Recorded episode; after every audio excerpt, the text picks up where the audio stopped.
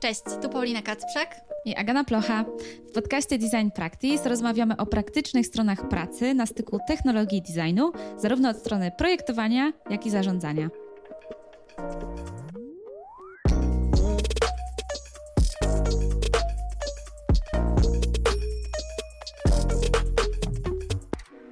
W tym odcinku porozmawiamy o tym, jakie wyzwania pracy są w big techach, takich jak Meta, Google czy ByteDance, czyli TikTok. O budowaniu strategii well-beingu dla użytkowników Meta, o ciągłym rozwoju i szukaniu swojej drogi w produkcie i potrzebie resetu i dłuższym urlopie od pracy. Naszym gościem jest Kuba Kociński, który m.in. pracował jako Head of Responsible Innovation w Meta. To właśnie tam wdrażał rozwiązania mające polepszyć well-being użytkowników. Zna duże korporacje od podszewki. Prowadził zespoły i zajmował się Trust and Safety m.in. w Google i ByteDance, czyli TikToku. Obecnie mieszka z rodziną w Kalifornii. Notatki i linki wymienione w tym odcinku znajdziecie na naszej stronie designpractice.pl ukośnik 046. A jeśli szukacie pracy, to koniecznie sprawdźcie serwis tworzony właśnie z myślą o konkretnych ofertach w branży IT, w których nie owija się w bawełnę, czyli dprotocol.it. To jest partner naszego dzisiejszego odcinka. Na dprotocol możecie skontaktować się z rekruterem, zanim zaaplikujecie i upewnić się, czy to stanowisko jest dla Was. To jest super udogodnienie w stronę poszukujących pracy. A jeśli znacie już nasz podcast od jakiegoś czasu, to będziemy super wdzięczne za wystawienie opinii na Spotify i innych platformach. Pomoże to nam dotrzeć do jeszcze większej liczby słuchaczek i słuchaczy. Z góry wielkie dzięki. Zanim zaczniemy, jeszcze mała autoreklama. Być może słyszeliście już o naszym kursie Interaction Designer, e, którego autorem jest Tomek Biskup. Dzięki temu kursowi nauczycie się prototypować i animować w Figmie, After Effects i Principle. E, właśnie jutro, czyli 16 stycznia, zaczynamy sprzedaż drugiej edycji tego kursu i będzie go można kupić do 25 stycznia, więc serdecznie zapraszamy. Cześć Kuba. Cześć Kuba. Cześć Paulina, cześć Aga. Zaczniemy od tradycyjnego już pytania. Jaką książkę ostatnio przeczytałeś? Um, jedną to za mało. Jestem z tych, co Możesz wiesz, o kilku. Śmiało, otwierasz nie? książkę, czytasz Dajesz. dwa, trzy i, i, i, potem zmieniam. Więc obecnie, obecnie mam kilka otwartych. Takie, które, które czytam E, będziemy mówić o tym. Mam teraz, jestem w te, teraz w takim trochę czasie pomiędzy pracami, więc mam bardzo dużo czasu na czytanie, więc czytam, nie wiem, razy trzy albo razy cztery. E, czytam książkę, która się nazywa Build the Damn Thing, e, która, która jest taką inspiracją dla po prostu, jak masz jakiś pomysł, to go zrób i, i, się, i się nie bój i po prostu idziesz. I daje gotowe przepisy, koncepty, a także jest napisana przez kobietę, która E, po prostu jest troszeczkę z takiego bardziej mm, e, obszaru, gdzie e, nie wiem, sama musiała dużo walczyć o to, żeby dojść do, do, miejsca, w którym może budować rzeczy, które ją interesują. Więc bardzo ciekawie się to czyta. I, I, zawsze wracam, jeżeli jestem w jakimś procesie rekrutacyjnym do roli PM, to zawsze wracam do takiej bardzo ciekawej książki, która się nazywa Cracking the PM Interview. Nie wiem, czy kiedyś słyszeliście o tej książce. How to Land a Product Manager Job in Technology. I to jest taki fajny, bardzo blueprint takiego znowu przy, e, odświeżenia wszystkich informacji o tym, czym jest rola PMA, jakie są strategie, jakie są typy pytań w procesach rekrutacyjnych dla PMA, więc często wracam do tej, do tej pozycji w momencie, kiedy chcę sobie tak jakby odświeżyć to wszystko przed, nie wiem, nowymi procesami rekrut rekrutacyjnymi. Mówiąc o PM-ie, e, myślisz oczywiście o product managerze. O product managerze, tak. Mhm, mhm. No właśnie, wspomniałeś o przerwie pomiędzy pracami, w której jesteś. E, my znamy Ciebie jako Head of Innovation w Meta. E, mieszkasz w Kalifornii. E, powiedz, jak w ogóle wyglądała Twoja droga do tego momentu, w którym jesteś teraz, czyli do tej przerwy? Kręta, zawiła i pełna różnych zaskakujących sytuacji. trochę tak. Tak, obecnie jestem po raz pierwszy na przerwie pomiędzy, pomiędzy pracami. Zazwyczaj jak zmieniałem pracę, to zmieniałem je tak, że spakowałem jednego laptopa w, w, jakieś pudełko i wysyłałem do poprzedniego pracodawcy, a w, w, ciągu weekendu konfigurowałem tak, żeby w poniedziałek już się wdzwaniać e, na, do, do nowej pracy. Droga. E, nie wiem, może jakieś takie główne bullet pointy. E, skończyłem informatykę na Politechnice Gdańskiej, więc to tak jakby było... Wiedziałem, że chcę pracować w firmach technologicznych. E, pierwszą moją pracą była praca w firmie Procter Gamble, gdzie spędziłem, chciałem spędzić tam kilka lat, ale ostatecznie zostałem dekadę, 10 lat. Świetna firma, naprawdę. I to też trafiłem w bardzo fajnym momencie, gdzie, gdzie, gdzie Procter budował e, duże zespoły praktycznie od zera w, w Europie e, środkowo-wschodniej. Więc przyszedłem tam, to zespół był trochę, no był mały, nie było dużo Polaków jeszcze. Było bardzo dużo ekspatów, którzy, których e, Procter przeniósł tam z całego świata, żeby zbudować to od podstaw. Fajna, bardzo fajna kultura pracy, bardzo fajna, e, bardzo fajna firma i też nawet, wiesz, takie szokujące rzeczy, ile Procter robi z produktów takich, które są na, na, na całym świecie używane przez miliony, miliardy ludzi nawet. Um, ale zawsze mnie kręciło, żeby pracować jednak dla firmy technologicznej, takiej stricte technologicznej, więc e, nie wyobrażałem sobie, jakby nie myślałem w ogóle, czy już wtedy z moją małżonką nie dyskutowaliśmy nawet na samym początku o tym, że będziemy mogli żyć gdzieś indziej poza Polską. Jakby nie, nie, myśl, nie było to w koncepcie rzeczy, jak, jakby w moich wyobraźni o tym, jak, jak chcę, żeby wyglądało moje życie. E, natomiast e, rekruter przyszedł do mnie, właściwie rekruterka, i spytała się, czy nie chciałbym pracować dla firmy Google w, w Dublinie, w Irlandii. Więc trzeba było odbyć te wszystkie bardzo trudne rozmowy na ten temat rodzinne e, i zastanowić się, jak, jak, jak to, to, zrobić. No bo udało się tę pracę dostać, no i podjęliśmy decyzję rodzinnie, że będziemy, że przeprowadzamy się do Irlandii i będziemy pracować. Ja będę pracował dla Google'a.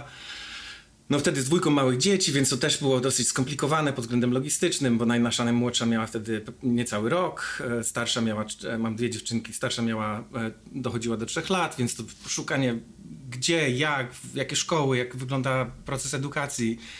Dla osób, które robiły takie rzeczy, to, to, już, to już jest bardzo proste, jakby masz jakiś schemat działania i wiesz czego szukać, ale po raz pierwszy jest to chyba najbardziej skomplikowane. No, a potem, jak już się pracuje dla firmy i, i pozna się e, firmę od środka, i bardzo szybko się okazuje, że e, grupa regionalna jest fajna pod wieloma względami, ale tak naprawdę zaczyna cię ciągnąć do, do serca tej firmy, czyli do, do miejsca, gdzie podejmuje się bardzo dużo decyzji. E, no to jedna rzecz doprowadziła do drugiej. Poznałem fajne osoby, poznałem fajnych mentorów e, i dostałem pracę w, w tym samym dziale, w dziale Trust and Safety, ale w firmie tutaj w, w Google w Kalifornii. I potem znowu jedna rzecz doprowadziła do drugiej Zostałem zrekrutowany do roli e, dyrektora produktu w grupie też Trust and Safety, czyli zajmującej się tym contentem w TikToku w firmie ByteDance, gdzie spędziłem prawie dwa lata. No i ostatni rok spędziłem e, w, w mecie. E, to było bardzo burzliwy rok, powiem tak. W ogóle technolo firmy technologiczne przechodzą bardzo burzliwe dwa lata prawie już teraz. E, gdzie wiele firm dokonało no, mocnych cięć, jeżeli chodzi o, o scope, jeżeli chodzi o ilość pracowników. No i jednym z takich cięć był, był, właściwie przeszedłem cztery takie cięcia, jak byłem w mecie przez te 12 miesięcy.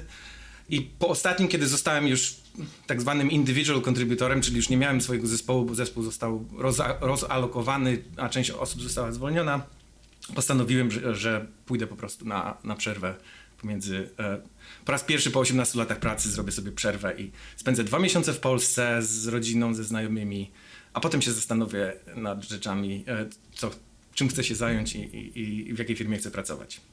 Taki prezent na osiemnastkę. Sabbatical.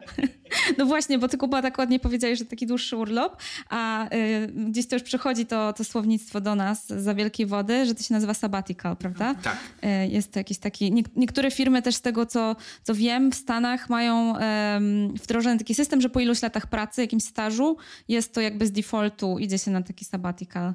Tak. E, w szczególności Meta. Meta po pięciu latach stażu oferuje trzy miesiące płatnego urlopu, który, który jest sabbaticalem i bardzo wiele osób z tego, e, z tego korzysta. Aczkolwiek powiem Wam szczerze, że w obecnych czasach mam wrażenie, że są ogromne dyskusje w mecie na, na, na, na, temat ucięcia tego, bo nie ma chyba dużo innych firm, przynajmniej nie, nie te, które ja znam. Google nie ma takiej oferty, Biden na pewno nie ma takiej oferty. E, natomiast Meta miała i to było takim trochę e, differentiating factor, jak to się mówi. E, I dla, dlatego też ludzie lubili pracować w Mecie. Natomiast to mam wrażenie też odejdzie. Jednak ta korekta benefitów, ta korekta uposażenia, które dają firmy technologiczne następuje i mam wrażenie się jeszcze nie skończyła. Może my musimy pomyśleć o takim, e, takiej przerwie trzymiesięcznej tak. po pięciu latach design practice. Na razie mamy tak. dwa.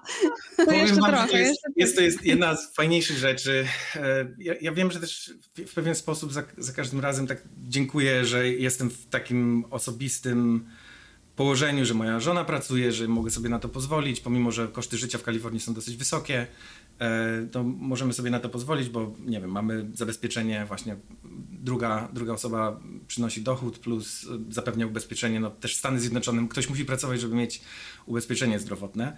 Więc wiem, że mogę sobie tak po, po, raz pierwszy po prostu odpocząć trochę i się nie przejmować jakoś strasznie tym, że nie mamy tego drugiego dochodu, bo do tej pory ja byłem tym tak zwanym breadwinnerem w domu, e, tym, który przynosił główną pensję. E, natomiast no wiem, wiem, że to jest e, taka trochę pozycja uprzywilejowana, ale z drugiej strony mam jedno życie, dlaczego nie korzystać z tego, że coś, coś, coś się pojawiło i, i, i można coś z tym zrobić. Mhm. No właśnie, Kuba, wspominałeś o, o, tych firmach, w których pracowałeś. Jesteś takim weteranem big techów, czyli pojawił się Google, e, pojawił się ByteDance, czyli TikTok i Meta. To może zaczniemy od tyłu. Jakbyś mógł opowiedzieć, co tam robiłeś? Od tyłu. Um, zajmowałem się głównie problemami tego szeroko pojętego zespołu Trust and Safety. Ja nawet nie wiem, jak to by dobrze przetłumaczyć na język polski. Jest to moderacja, jest to, nie wiem, to są zespoły, które, których głównym celem jest wykrywanie rzeczy, które i użytkowników na, na platformach, gdzie głównie jest, jest, jest, jest to problem kontentu, czyli tego, co użytkownicy piszą, wrzucają, zdjęć, filmów, i wykrywanie tego, co nie powinno być na platformie, czego, co jest niezgodne z politykami produktowymi danej platformy, usuwanie tego i staranie się zapobiegać, czyli nie tylko jak już to jest na platformie, nie tylko identyfikowanie, znalezienie i usunięcie, ale także e, budowanie modeli i budowanie różnych utrudnień, żeby użytkownicy nie byli w stanie wrzucać rzeczy, których po prostu nie powinno być w internecie, nie powinno być na tych platformach. I tym zajmowałem się w Google i to oczywiście możesz podzielić na różne subsegmenty y, tych, tych problemów. Możesz popatrzeć na Popatrzmy na problem użytkowników ogólnie ich, ich kont. Jeżeli zakładają, jeżeli widzimy, że konta są zakładane z jakiegoś jednego adresu IP w bardzo dużej ilości, no to ktoś coś kombinuje w tym, w tym obszarze, tak? Albo możesz popatrzeć na ten problem i poszatkować go po, nie wiem, skupmy się na problemie na przykład ekstremistów, czyli osób, które wrzucają firmy do rekrutacji nie wiem, do ISIS to był bardzo duży problem przez, przez, przez kilka lat. I skąd, jak, jak możemy wykrywać te materiały, czy, czy jest jakiś schemat, więc możesz to poszatkować po, po tych takich typach problemów. I ja zajmowałem się przez, w Google przez 6 lat różnymi e, tymi sub zagadnieniami w tym obszarze. E, potem w, w TikToku robiłem to praktycznie od podstaw, e, budowałem te zespoły w różnych, w różnych właśnie tych, tych sub, subschematach przez e, półtora roku, a w mecie skupiłem się bardziej na takiej strategii i budowaniu na początku dla zespołu Responsible Innovation, zanim ten zespół został przekształcony i, i po prostu poszedł w inną stronę. To była ta pierwsza fala. Później zajmowałem się zespołem Wellbeing i zbudowaniem strategii jak dbać, jak produkty mety powinny być rozwijane w sposób, który dba o, o to, żeby użytkownikom było ogólnie dobrze, czyli angielski termin well-being. Więc prawie, prawie dekadę w tej chwili właśnie w tych obszarach content moderation, trust and safety, user, user well-being. I powiedz, czy w tym czasie tego roku, kiedy pracowałeś w Mecie, y, co udało się Tobie i Twojemu zespołowi, zespołowi opracować? Y, czy udało się coś wdrożyć też? Tak. E, Meta jest ciekawym, ciekawą firmą pod tym względem, że jest to chyba najbardziej firma, która naj, ma najbardziej rozbudowane metryki produktowe. E, I to było bardzo znaczy, Wiedziałem o tym, czytałem o tym, ale jak to zobaczyłem, to, to nadal byłem nie tyle przerażony ilością, co, co, zaskoczony ilością rzeczy, które są jakby trakowane i do których każdy ma dostęp, jak, a w szczególności PM-owie, którzy chcą budować i, i, i wybierać odpowiednie e, E, metryki produktowe po to, żeby, żeby pchać produkty do przodu. Natomiast nie było, nie było dobrych metryk produktowych dla zdefiniowania, czym jest well, user well-being. Tak? Wiemy, że jesteśmy, mówię, jesteśmy cały czas, jakbym był w mecie, natomiast e, także wybaczcie. E, wiemy, że meta jest krytykowana bardzo często za to, że no, jest zła dla społeczeństwa, zła dla demokracji, zła dla ogólnie zła tak? Szeroko, szeroko że ludzie spędzają tam za dużo czasu, że to jest y, odmuszczające w, w, porównaniu do, nie wiem, czytania książek czy, czy, czy, innych rzeczy, ale nie ma dobrych metryk, żeby stwierdzić, no nie wiem, jest to złe, czy jest to, jest, jest to dobre. Jak się zapyta kogoś, proszę zdefiniuj, w jaki sposób mamy mierzyć, czy meta jest zła dla, dla społeczeństwa, czy zła dla demokracji, to podadzą ci przykłady, e, no na przykład, nie wiem, był, było bardzo dużo e, misinformation na temat wyborów w Stanach Zjednoczonych, ale nie ma dobrego sposobu na, zmierzenia, na, na zmierzenie tego. A być może z drugiej strony jest przykład, nie wiem, dzięki temu, że jest dużo informacji o tym, gdzie należy głosować, to bardzo wiele osób się było zachęconych do tego, żeby pójść i, i oddać swój głos w trakcie wyborów, więc ciężko było to, to mierzyć. Więc moim, moim pierwszą rzeczą, którą, którą ja, jak przejąłem e, zespół Wellbeing i popatrzyłem na to, jak, e, no właśnie na ten duży brak tych metryk produktowych od Wellbeing, to spędziliśmy trzy miesiące rozmawiając z ekspertami, rozmawiając z user researcherami w, zarówno w mecie, jak i poza metą i zdefiniowaliśmy pięć kluczowych obszarów oraz metryki, e, które do tych obszarów należą. E, w jaki sposób będziemy my definiować user well-being i w jaki sposób jesteśmy w stanie to mierzyć i, i wypuszczać produkty bądź modyfikować istniejące produkty mety, tak żeby ten well-being polepszyć. jednym z takich kluczowych obszarów, wracając do Twojego pytania, Paulina, było wybranie i, i spriorytetyzowanie obszaru spędzania czasu, um, gdzie skupiliśmy się na podgrupie użytkowników poniżej 18 roku życia, od 13 do 18 roku życia, czyli teens ogólnie. I chcieliśmy zidentyfikować użytkowników, którzy mają bardzo długie sesje i stwierdziliśmy, że długa sesja powyżej powiedzmy 90 minut czasu e, bez przerwy w szczególności w późnych godzinach nocnych, powinna zostać przerwana i na podstawie e, rozmów z ekspertami wyszło nam, że dobrym, że zaczniemy od takich przypominajek, czyli Take a Break Initiative. I między innymi w Instagramie e, zostały to wprowadzone i e, również, ponieważ użytkownicy typu teen poniżej 18 roku życia zazwyczaj mają konto typu rodzic, które nadzoruje i także ustawia pewne defaulty na, na, na, na ustawieniach, typu również na, na ustawieniu spędzania czasu, e, to daliśmy możliwości ustawiania włącznie z włączeniem dosyć agresywnych defaultów, jeżeli chodzi o, o czas, bo zależało nam na tym, żeby ci użytkownicy tak naprawdę nie spędzali aż tyle czasu, bo eksperci nam mówili, że długie spędzanie czasu i długie sesje, szczególnie w późnych godzinach nocnych, powodują, że, że ma to wymierny wpływ na postrzeganie użytkowników, jak użytkownicy później postrzegają swój well-being, bo nie śpią, tak? Jak, jak, jeżeli zakłócasz mhm. sen, to powoduje to, że e, raportujesz, że, że się gorzej czujesz i że czujesz, że platforma jakby odbiera ci czas, który, który powinnaś spędzać na, e, na, na spaniu.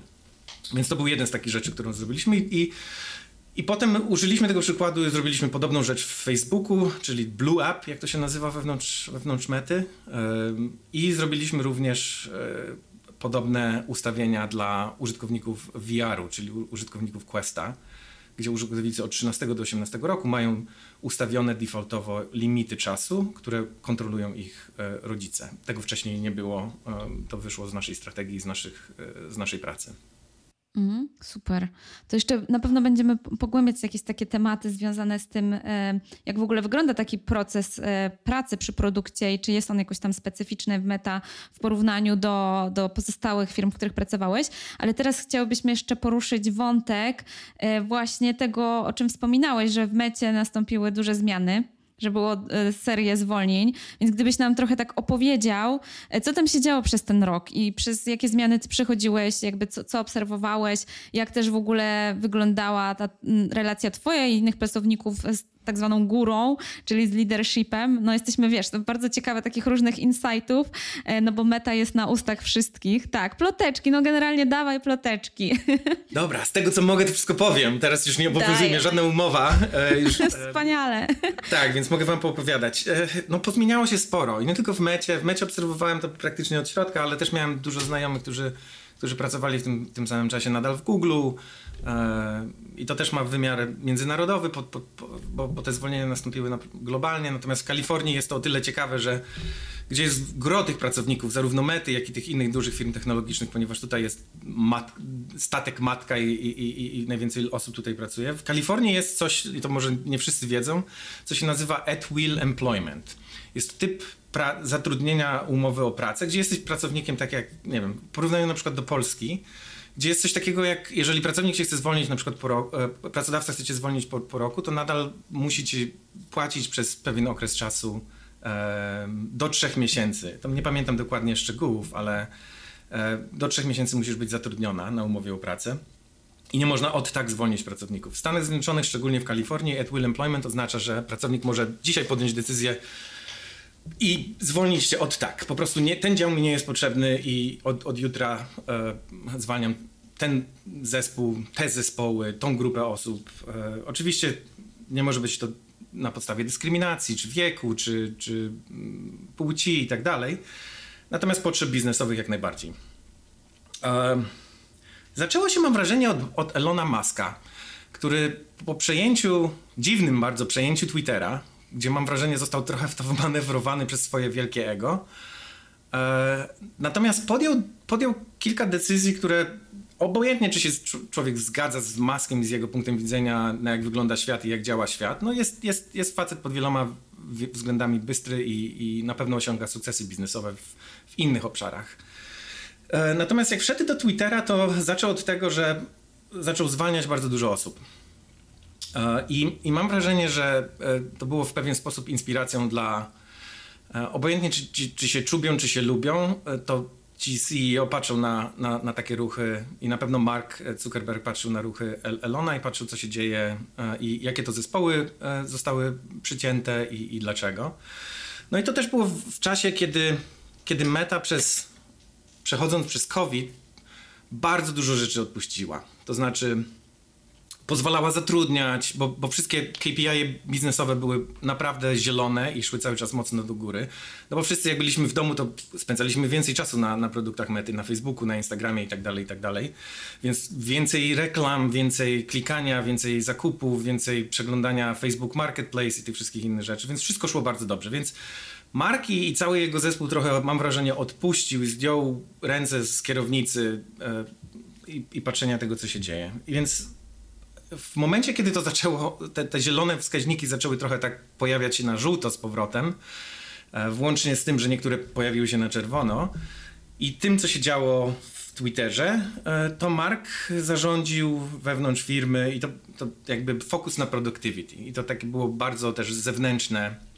Ciekawostką w mecie jest to, że raz na tydzień albo raz, na, raz, raz co dwa tygodnie jest spotkanie z Markiem, takie Q&A, Mm. gdzie zadaje się, gdzie, tak, gdzie zadaje się pytania do Marka i do jego leadership teamu. E, I, i, a Mark tak, także zaczyna od, zazwyczaj od 5-10 minutowej po prostu opowieści o tym, co się teraz dzieje, jakie są jego priorytety, gdzie był, gdzie zamierza być, na czym zamierza się skupić. Często ten, też są tam announcementy jakichś nowych produktów, które za, za chwilę będziemy robić. Więc jako, jak, jako firma. Podobnie zostało to zbudowane na, na, podstawie tego, co Google robił przez długi okres czasu, gdzie, gdzie te słynne TGIF -y e, z founderami e, Google'a, które później przeszły już na miesięczne, ale w mecie to się odbywa jeszcze bardzo często. No i Mark zaczął wspominać o tym, że, będzie, że, że będzie, będą inicjatywy po prostu takiego productivity, więc na początku wszyscy się spodziewali, że to będzie bardziej na zasadzie, nie wiem, może niektóre projekty odpadną, no ale po tych zwolnieniach u, u, u Maska Mark powiedział bardzo jasno, że przyglądają się headcountowi przyglądają się, gdzie ten headcount wzrosnął, gdzie, gdzie, gdzie należy szukać po prostu sporych oszczędności. No a potem już jawnie powiedział, że będą dwie pierwsze fale takich, takich dużych cięć we wszystkich zespołach, gdzie, gdzie liderowie poszczególnych grup produktowych będą odpowiedzialni za to, żeby wytypować osoby i wytypować projekty i osoby związane z tym, gdzie przeinwestowaliśmy jako firma i gdzie będziemy ciąć. Ja bym to zrobił trochę inaczej, powiem szczerze, zupełnie szczerze. Wiele, wiele osób, była, dyskusja wewnątrz firmy po pierwszym cięciu. Wszyscy zakładali, że, że pierwsze cięcie będzie głębokie i, i, i, i jakby będzie ostatecznym cięciem. Natomiast później od razu pojawiła się e, dyskusja nad tym, że będzie cięcie drugie, będzie cięcie trzecie, być może nawet cięcie czwarte co spowodowało zaburzenie współpracy w firmie, co spowodowało, e, że ludzie zaczęli po prostu się martwić o swoją, o swoją pracę. E, współpraca siadła, no, nie, może nie z dnia na dzień, ale w przeciągu tych miesięcy bardzo, bardzo znacząco. E, I spowodowało taką, taki wzrost takich toksycznych relacji pomiędzy różnymi działami. Działy przestały ze sobą współpracować. No bo jeżeli ogłaszasz, że będziesz ciął jako główny właściciel firmy, że będziesz chciał i będziesz chciał za 3 miesiące i za 6 miesięcy, no to wpływ jest taki, no dobra, jest to transparentne, bo o to prosili e, pracownicy, żeby transparentnie powiedzieć, czy będą następne cięcia, ale jak ogłaszasz bez planu i bez, e, to przez te następne 6 miesięcy ludzie po prostu ze sobą nie współpracują i każdy zaczyna szukać innej pracy albo, al, albo buduje i obwarowuje swój scope pracy tak, żeby być nie do ruszenia. Więc to tak trochę wyglądało od środka. Zaczęło się od maska, a potem po pierwszym cięciu, jak się okazało, że no, nadal nie idzie e, za dobrze, że nadal productivity e, per, per pracownik nie wygląda dobrze, to były ogłoszone te następne cięcia. E, więc ja, to był mój rok w mecie, to były te wszystkie cięcia gdzie ja też musiałem niestety przechodzić przez to, że moje zespoły zostały po prostu wycięte w, no pierwszy zespół Responsible Innovation po trzech tygodniach pracy został wycięty w pień i musiałem przez dwa miesiące szukać dla tych pracowników i pomagać im znaleźć pracę wewnątrz, wewnątrz firmy, bądź dla części też poza firmą. No nieciekawy okres w tech, e, natomiast tak to wyglądało, tak to wyglądało od środka. Ja mam wrażenie, że to zaburzenie tej kultury pracy to jeszcze będzie bardzo, bardzo długo odczuwalne i, i, i widoczne w mecie, ale także w innych firmach, które też dokonały tych cięć. A to, co powiedziałeś, to czym się Twój zespół zajmował, e, well-being, to wydaje się bardzo, bardzo istotne. No, z perspektywy użytkowników, nie wiem czy z perspektywy firmy, e, ale jak myślisz, dlaczego właśnie Twój zespół został tak mocno okrojony i dlaczego ty ostatecznie też zdecydowałeś się odejść? E, to jest bardzo dobre pytanie. Powiem ci, zaczęło się, może, może zacznę od tego, że nadal strategia well-being i, i, i, rzeczy, które wypracowaliśmy w, nasz, w naszym zespole, jest implementowana przez Metę w, w bardzo szerokim zakresie. My byliśmy natomiast centralnym zespołem, który znajdował się w grupie produktowej, która się nazywa Social Impact Products, która nie jest zembedowana wewnątrz Facebooka czy wewnątrz Instagrama, jest po prostu osobną grupą produktową pod osobnym viceprezydentem pro produktu, która zajmuje się tymi rzeczami, e, właściwie zajmowała się, zajmuje się rzeczami ogólnie social responsibility. I w pewien sposób duplikuje e, w wielu przypadkach, nie tylko, nie tylko w przypadku e, well-being, ale także w przypadkach tam były inne osoby, które zajmują się equity, diversity and inclusion, tam są też osoby, które budują produkty tak zwane giving, które są zembedowane w produktach Facebooka, gdzie możesz, nie wiem, e, przykładem jest jak masz urodziny, to możesz zbierać na jakąś konkretną fundację. To są rzeczy, które, które są budowane przez tą podgrupę produktową. E, no i jak już robisz te takie productivity review, kto się czym zajmuje w firmie, to jednym z postanowień było to, że nasza grupa centralna, ale inne również, nie powinniśmy tego robić centralnie, tylko powinniśmy ten, te, te, rekomendacje zembedować i robić wewnątrz grup produktowych. Więc Meta nadal zajmuje się tymi rzeczami, nadal są to dla niej e, bardzo ważne, kluczowe rzeczy, szczególnie dla, dla tych użytkowników 13-18. Natomiast teraz jest za to odpowiedzialna nie grupa centralna, która to spina, koordynuje te działania i robi tylko poszczególne grupy produktowe, które, które dostały tą odpowiedzialność tak jakby przeniesioną do nich, e, do, do, do wnętrza tych, tych, tych grup produktowych. Czyli WhatsApp robi swoje, Facebook robi swoje. Trochę to jest to powrót do korzeni, bo Meta e, jest znana z tego, że organizuje się wewnątrz grup produktowych i robi egzekucję swojej pracy poprzez grupy produktowe, a nie przez teamy centralne. Mhm. To jeszcze jakbyś powiedział, dlaczego ty zdecydowałeś się odejść? Okej. Okay. Ja zdecydowałem się odejść, bo po tym ostatnim cięciu zostałbym osobą praktycznie bez żadnego zespołu. Przyszedłem do mety właśnie po to, żeby robić centralną strategię i żeby narysować, gdzie są te kreski, które powinniśmy, powinniśmy osiągnąć, gdzie są te pułapy pewnych rozwiązań produktowych, pewnych, pewnych KPI-ów i jakby ciągnąć tą firmę i, i zmienić tą firmę centralnie, y, robiąc tą strategię raz a dobrze i, i, i potem dociągać te grupy produktowe. To, to się niestety zmieniło y, i, w tym momencie to, po co przyszedłem do mety, jakby już nie, niejako nie istniało. Więc i też byłem w, w momencie w swojej, w swojej karierze, gdzie po naprawdę ciężkich dwóch latach prawie w, w TikToku i, i, tych wszystkich zmianach e, w mecie postanowiłem, że to jest bardzo, bardzo dobry moment, żeby naprawdę złapać oddech i zastanowić się na tym, jak, jak powinien wyglądać mój następny krok. krótki przerywnik. Zostawiłyśmy dla Was pytanie na Spotify. Koniecznie tam zajrzyjcie i na nie odpowiedzcie. Czekamy też na Waszą ocenę tego odcinka. Możecie ją zostawić zarówno na Spotify, jak i na Apple Podcasts.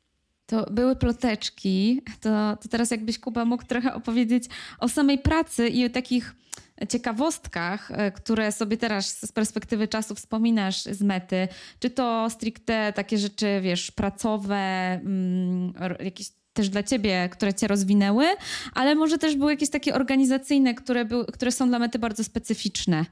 E, jakieś odnośnie organizacji pracy na przykład. Organizacja pracy w mecie. Powiem wam, że jest, jest, jakiś, jest jakiś core tego, tych wszystkich firm technologicznych, który jest bardzo podobny. E, zmienia się trochę kultura pracy, zmienia się jakby podejście do pracownika, zmienia się sposób, nie wiem, robienia strategii, częstotliwości robienia strategii, jak wyglądają nawet takie logistyczne rzeczy, jak wyglądają takie podstawowe narzędzia, z których się korzysta na co dzień do komunikacji, tak? Jak się przechodzi pomiędzy tymi firmami, to każda, każda ma trochę inny zestaw i, e, i, i, i, i to też wpływa na kulturę i to też wpływa na taką twoją codzienność e, pracy. W mecie z takich ciekawostek jest meta, nie wiem czy znacie koncept jedzenia e, do kwodowania, czyli e, korzystania z tego, co produkujemy, czyli tych narzędzi, które my sprzedajemy, bądź tych narzędzi, które, które użytko, nasi użytkownicy, czy biznesowi, czy, czy użytkownicy końcowi używają, to my budujemy te narzędzia i my korzystamy z nich do codziennej pracy również. Więc meta na, 90% komunikacji odbywa się w wewnętrznej wersji Facebooka, która się nazywa Workplace. Więc e, tak, i Workplace jest jednym z tych rozwiązań, które, które firmy mogą też sobie kupić i zaimplementować. Więc Stanford e, korzysta, wiem, z Workplace'a, jest, jest iluś tam klientów biznesowych. Nie jest to core produktu, e, jakby core, ten, sprzedaż tego jakby enterprise czy business to business od mety do, do innych firm nie tak meta zarabia pieniądze, ale też jest to jakaś tam malutka porcja tego biznesu. Więc wewnątrz cała komunikacja w mecie odbywa się poprzez posty, poprzez grupy, poprzez eventy. Tak jakby każdy skróluje swojego feeda, co, co tam ludzie napisali e, na dzień dobry. E, jakby z maila korzysta się również, ale jest to, nie wiem, 5% może komunikacji. Jakieś takie duże maile albo komunikacja z użytkownikami, którzy są spoza firmy z osobami, które są spoza firmy, odbywa się poprzez maila. Wewnątrz wszystko odbywa się poprzez czaty i poprzez posty na, na Workplace, czyli wewnętrznej wersji e, Facebooka. I do tego się trzeba przyzwyczaić. I to ma też w pewien sposób e, duży wpływ na to, jak ludzie myślą o visibility, czyli o tym, jak, jak, jak twój projekt, bądź, bądź produkt, bądź e, nie wiem, osiągnięcia zespołu opisać, sprzedać, bo każdy myśli o tych postach i każdy myśli o zaangażowaniu innych osób pod tymi postami. Każdy stara się, żeby um, twój vice president opublikował, jak już ty coś napiszesz, żeby coś skomentował albo opublikował, więc to tak jakby wpływa trochę na, na, na wewnętrzną pracę firmy i na to, jak ludzie myślą o, o właśnie o tym visibility swojej pracy. A pamiętasz, ilu jest y, pracowników teraz w mecie? Myślę, że po pocięciach mniej więcej 30 tysięcy osób przez ostatnie miesiące, miesiące odeszło, więc jesteśmy chyba w obszarach w 60 parę tysięcy, powiedziałbym, meta ma. Musiał... Wow.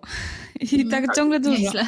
Nadal dużo, ale już dochodziło do 100 tysięcy tam prawie, plus dla mety pracuje bardzo dużo tak zwanych contingent workers, czyli osób zatrudnionych przez firmy zewnętrzne, tak vendorów, e, gdzie w, jak ja tam byłem, to akurat ta liczba vendorów przekroczyła znacząco już E, liczbę osób e, zatrudnionych na stałe, więc tam było już prawie 200 tysięcy osób, które pracowały dla Mety. Więc to naprawdę duża, duża firma e, I, i, i, i, bardzo duży wzrost zatrudnienia, bo Meta przez 2-3 lata wzrosła tak 20-30% rok do roku. Stąd te wzięcie sterów z powrotem przez, przez markę. Więc wracając do pytania, to jakby ta, ta, ta, ta rzecz jest bardzo ciekawa dla mety i, i rzeczywiście dyktuje, jak, jak praca się odbywa. A druga rzecz, o której już wspomniałem, to to, to że wszystko jest mierzone. Tak jakby wszystko jest, są kilkaset różnych kluczowych KPI-ów. I jeżeli jako PM jesteś, czyli product manager jesteś odpowiedzialna za, za swoją jakiś wycinek Facebooka, czy Instagrama, czy Whatsappa, to masz dostęp do tego wszystkiego i możesz puszczać bardzo dużo A-B testów, e, puszczać i, i, patrzeć i segmentować rynek i patrzeć jak to wpływa, a jak, jakie, są, jakie są blokady na niektórych KPI, których nie możesz dotknąć. Więc cała dyskusja, jest to bardzo, bardzo data-driven company e, i, i poruszenie kluczowych KPI-ów, nie wiem, o 0,5 e, punkta procentowego w, w, dobrą stronę jest już bardzo dużym e, osiągnięciem. E, czy, czy to chodzi o retention użytkowników, czy to chodzi o, o właśnie o, o, długość sesji, czy um, tego typu sprawy, które są kluczowe z punktu widzenia, nie wiem, ad revenue ostatecznie. E, przy tym, jak, jak wszystkie inne ci się nie ruszą w złą stronę, e, no to jakby to jest główna praca PM-a, więc jako PM jesteś bardzo, bardzo data-driven w mecie. A czy mm, właśnie obserwując te mm, KPI, badając, y, czy jest coś, co cię jakoś zaskoczyło? Zaskoczyło mnie, jak ciężko dodać nowe KPI.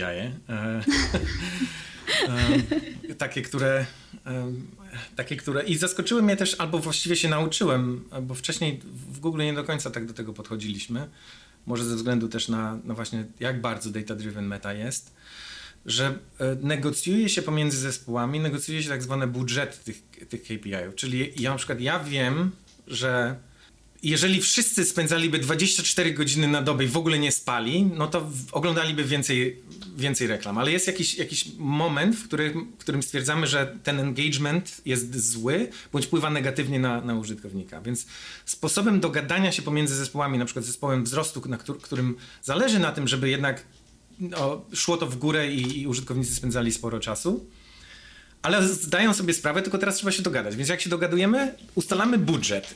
Więc mówimy, dobra, to ja ci daję 1%, że możesz, bo ja mam tutaj swoje inicjatywy i to nadal będzie mi rosło, mam, mam jakieś swoje pomysły w moim zespole przez następne 6 miesięcy. I dogadujemy się, i to zazwyczaj VP-si tych, tych podpisują pomiędzy sobą taką umowę, że ty i twój zespół możecie w, negatywnie wpłynąć na, na nasze kluczowe KPI na przykład do 1%. Więc jak robisz swoje A-B testy, to, to, to sprawdzasz, czy się mieścisz w tych, e, w, ty, w tych granicach. I to te dyskusje i, i, i, negocjacje, bo wiadomo, że jest dużo zespołów. Są zespoły security, są zespoły well-being, są zespoły diversity inclusion, jakby zespoły, które nie są kluczowe dla, dla wzrostu. Więc e, tych, tych negocjacji odbywa się sporo, e, tak żeby, żeby no, wszyscy się dogadali i ostatecznie, żeby to stanęło w takim miejscu, że ten wzrost jest, ale jest odpowiedzialny i jest, jest zrobiony w taki sposób, że e, inne zespoły, które dbają o użytkowników głównie, gdzie, gdzie mają inne KPI, -e, dogadują się zazwyczaj na właśnie na podstawie tych budżetów, które są negocjowane raz na 6 miesięcy zazwyczaj. Taki mam obraz teraz sceny z familiady, jak są te rodziny, które tam rwą tą rzepę, że są różne zespoły i każdy ma jakieś KPI i muszą się dogadać. E, powiedziałeś, Kuba, że wszystko jest mierzone, znaczy wszystko, bardzo dużo jest w mecie mierzone. To jak była w takim razie mierzona i rozliczana twoja praca jako e, osoby, która wdrażała różne nowe inicjatywy? No ja pracowałem w takim trochę obszarze, który był do zdefiniowania na samym początku, więc um, ogólnie w tych firmach w tych firmach technologicznych, a w Mecie szczególnie, e, raz na 6 miesięcy z takim kwartalnym check-inem e, raz, raz co 3 miesiące pisze się po prostu, co będziemy robić, jakie są, jakie są to się nazywa Objectives and Key Results e, i, i, i większość z tych firm, których, właściwie wszystkie te firmy, w których ja pracowałem, nawet w Procterze były elementy, spore elementy tego, tam były trochę inaczej to nazwane, ale jakby to się niczym praktycznie nie różni. Czyli masz objective, co chcemy zrobić i jakie będą poszczególne kroki do osiągnięcia tego, tego, tego głównego objectives. Więc na początku się siada, robi się sesje brainstormingowe, patrzy się, co inne zespoły robią i dogadujemy, że następne 6 miesięcy to będą nasze, to są nasze rzeczy, które, które chcemy zrobić i ty jako PM, czy ja jako PM jestem odpowiedzialny za to, żeby ten proces, robić całą facylitację tego procesu, spisać to, a później ja jestem jako PM odpowiedzialny, że mój zespół, pomimo, że te osoby nie raportują do mnie, to dostarczymy te rzeczy, które, na które się zgodziliśmy. I zazwyczaj musisz to zaprezentować szeroko pojętemu leadershipowi, e, czy to firmy, czy, czy, czy twojego subdziału. Więc tak została, tak wyglądała moja praca e, i, i za to jakby rozliczanie mojej pracy polegało na tym, że po pierwsze musiałem uzgodnić, co właściwie będziemy robić i jak, a po, a, a po drugie raportować progres, z takim bardziej oficjalny, oficjalnym e, check-inem po trzech miesiącach i z takim super oficjalnym check-inem po, sześć, po sześciu miesiącach, gdzie dostarczenie oznacza mm, zrobienie tego, no nie wiem, w 100% albo ciut poniżej 100%, albo dostarczasz jeszcze więcej. Plus są możliwości modyfikacji, bo wiadomo, że ciężko zaplanować 6 miesięcy. E, czasami nowe rzeczy wychodzą i trzeba rzeczy dodać, trzeba rzeczy, albo, albo coś jest absolutnie niemożliwego, bo odkryliśmy w kroku pierwszym, że, że jakby mieliśmy zbyt e, optymistyczne założenia i musimy zrobić coś innego. Więc takie rzeczy też są dopuszczalne i zazwyczaj po prostu się prezentuje je e, osobom, które są odpowiedzialne za daną działkę i robi się takie zmiany wtedy w strategii produktowej na następne 6 miesięcy. A e, powiedz, czy pracowaliście mm, wszyscy z biura, czy, czy była praca zdalna też? Czy nadal jest? To jest dobre pytanie. To jest, jest ogromna zmiana, która teraz zachodzi, szczególnie, szczególnie tak jak obserwuję tutaj w tych, tych dużych big techach.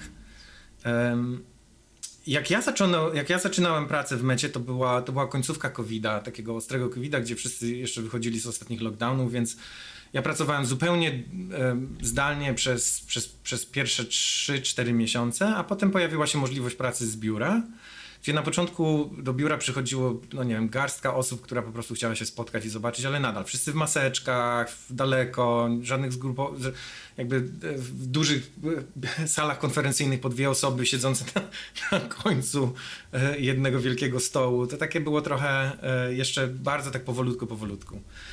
No ale potem to bardzo szybko przyspieszyło. E, nadal są pracownicy, którzy po prostu podpisali umowę o pracę zupełnie zdalną, ale z tego co wiem e, i z tego co się orientowałem i sam patrząc, Meta już nie oferuje e, dużo ofert zdalnych, czyli pracy skądkolwiek. I teraz oczekiwanie jest takie, że wszyscy będą raczej w pracowali w modelu hybrydowym, czyli przychodzili do biura 2-3 dni w tygodniu i 2 dni bądź 3 dni w tygodniu będą, będą pracowali z domu.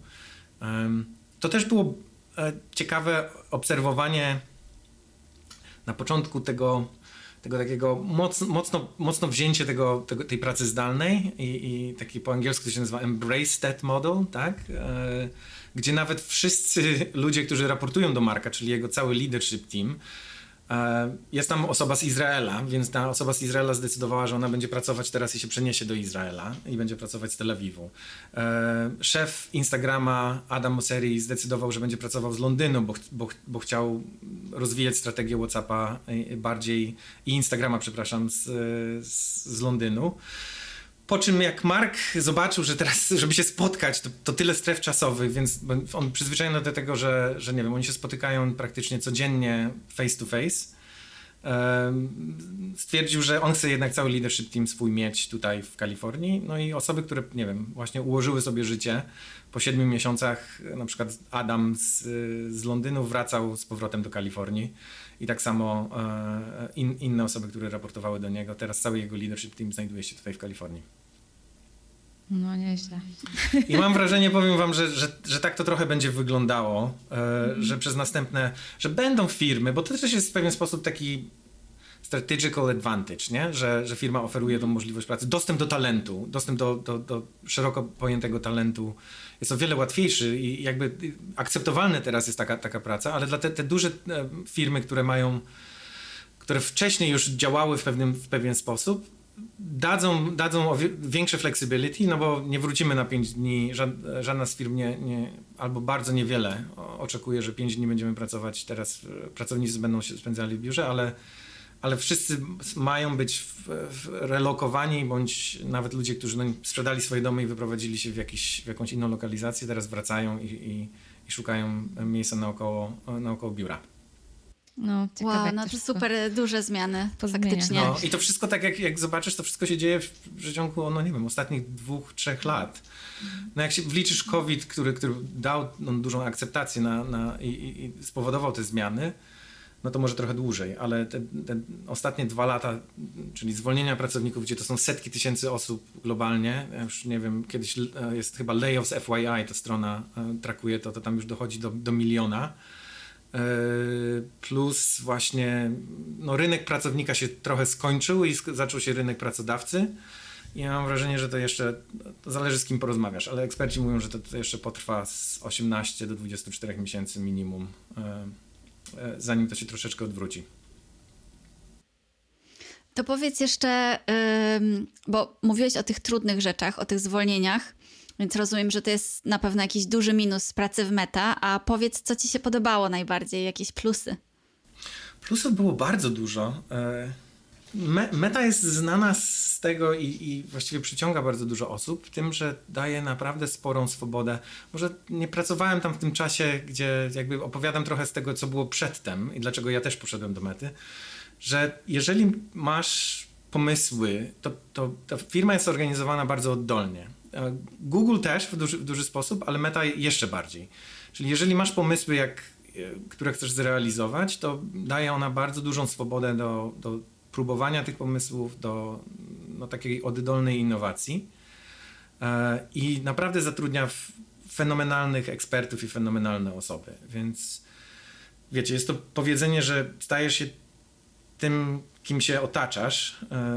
Jesteś wypadkową pięciu osób, z którymi najczęściej spędzasz czas. I, i, i trochę tak jest. I naprawdę poznałem fenomenalnych ekspertów od różnych dziedzin, e, z którymi współpracowałem przez ten rok w mecie. I do tej pory się przyjaźnimy, spotykamy się.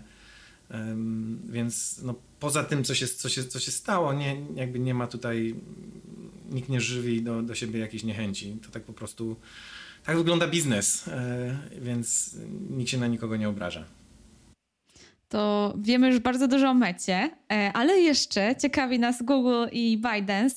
Gdybyś mógł, Kuba, tak z lotu ptaka porównać te trzy organizacje i mm, powiedzieć właśnie jakieś takie cechy charakterystyczne, które ty teraz z perspektywy czasu widzisz.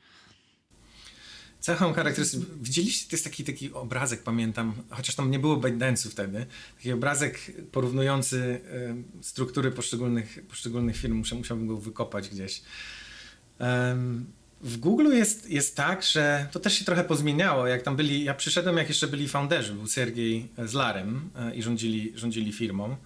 E, no i mają też pakiet większościowy, podobnie jak Mark, e, więc to oni podejmowali ostatecznie wszystkie decyzje o tym, o tym jak wygląda firma i w którą stronę idzie.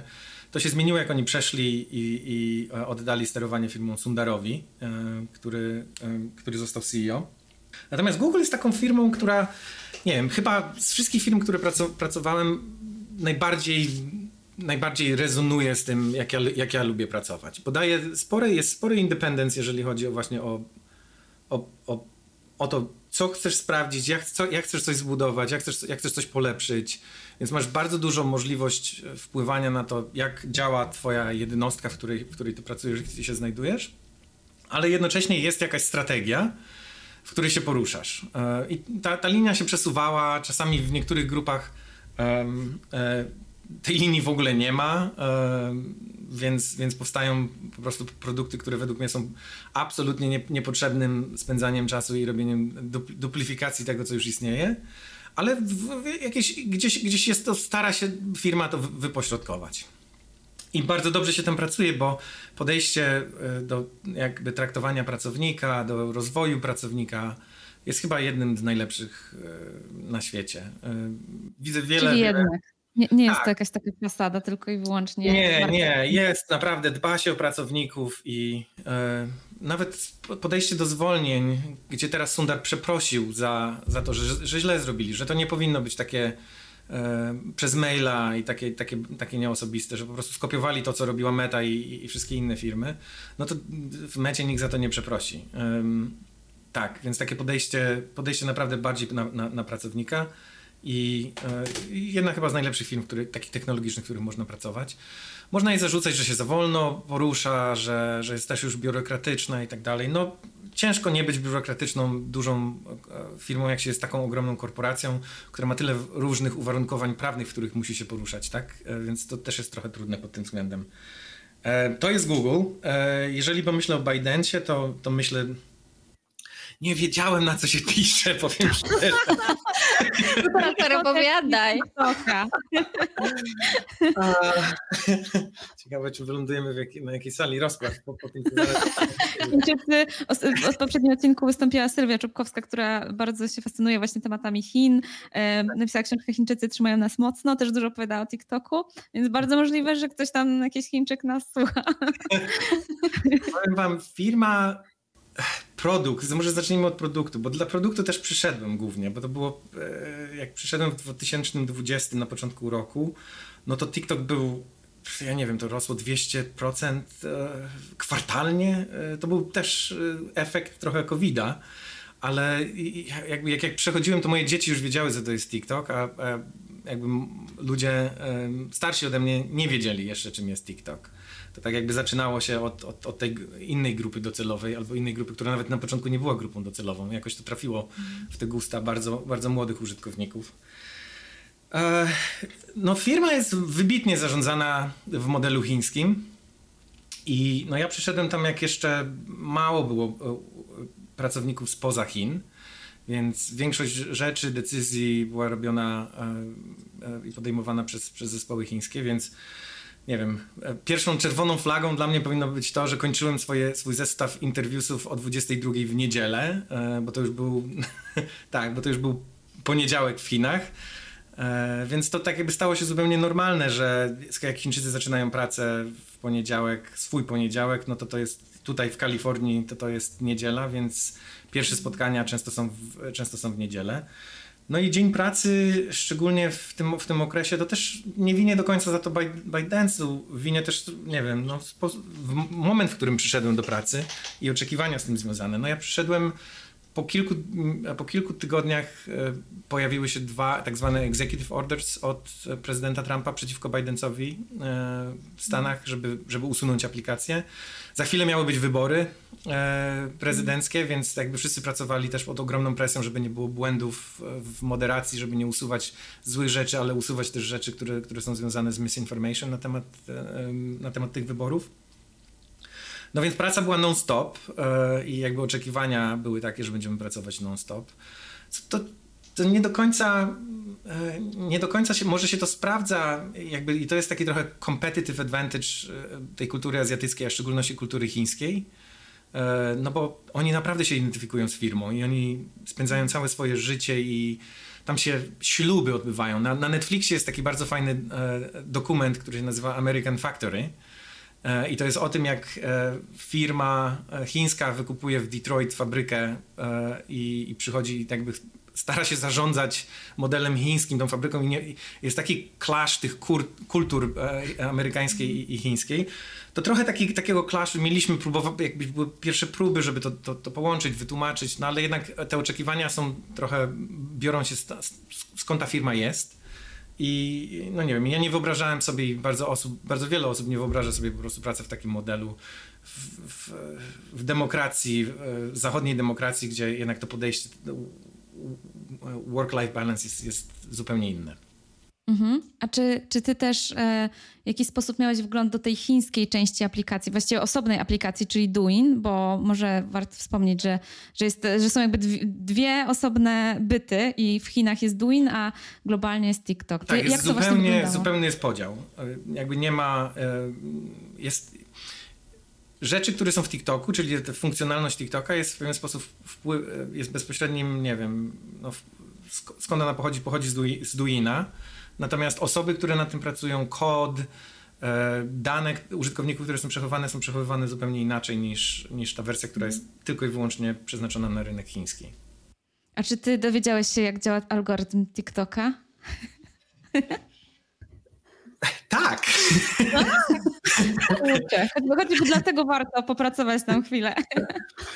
E, ale to jest bardziej skomplikowane niż, się, niż, niż komukolwiek się może wydaje. To nie jest jakieś tak, że to można zapisać na, na nie wiem, na, na, na, na jakiejś kartce i powiedzieć, o mam, tutaj jest tajemny algorytm TikToka. To jest po prostu wypadkowa setek, jak nie, jak tysięcy różnych e, modelów AI, które ostatecznie dają ci ten experience e, for you feed. I jest kilka innych kluczowych rzeczy, mam wrażenie, które powoduje, że, że, że TikTok jest, jest tym, czy jest. Zaczął od muzyki, zaczął od tych remixów i, i, i jakby to, to, to, to, ta świeżość, która, która była zupełnie inna niż, niż inne social media wcześniej. Um, krótkie te filmiki są, e, bardzo jest takich, bardzo niewiele jest takich barier do, do, do, wejścia. Jak popatrzysz na, nawet nie trzeba mieć konta, żeby oglądać te, te filmiki, e, a, a założenie konta też jest bardzo proste.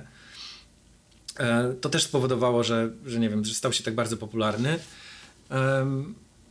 No i ten For You Feed, e, który bardzo szybko się uczy tego, nie ma nic tam innego, nie musisz, nie musisz dużo rzeczy o sobie opowiadać, wybierać, lajkować. Bardzo szybko się uczy i ci pokazuje rzeczy, które są takie wiralowe, śmieszne, że się uśmiechasz i taki, um, jak, jak, jak mówiliśmy o TikToku, jak tam byłem, że to jest taki last remaining corner of, um, sun, sunny corner of the internet Czy, czy, bo, bo nie wiem, no jest, nawet teraz jak korzystam czasem z TikToka, to, to za każdym razem się uśmiecham po, po takiej sesji oglądania tych filmików, czy w kolejce, czy gdzieś.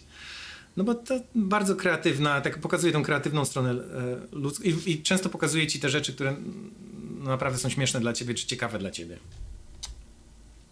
No tak, zależy czego nauczysz swój algorytm. Może bywać tak, różnie pewnie. Tak, może pokazać ci bardzo różne rzeczy. E, pracowałem w Trusted Safety, nie chciałabyś oglądać mojego, mojego for you feeda.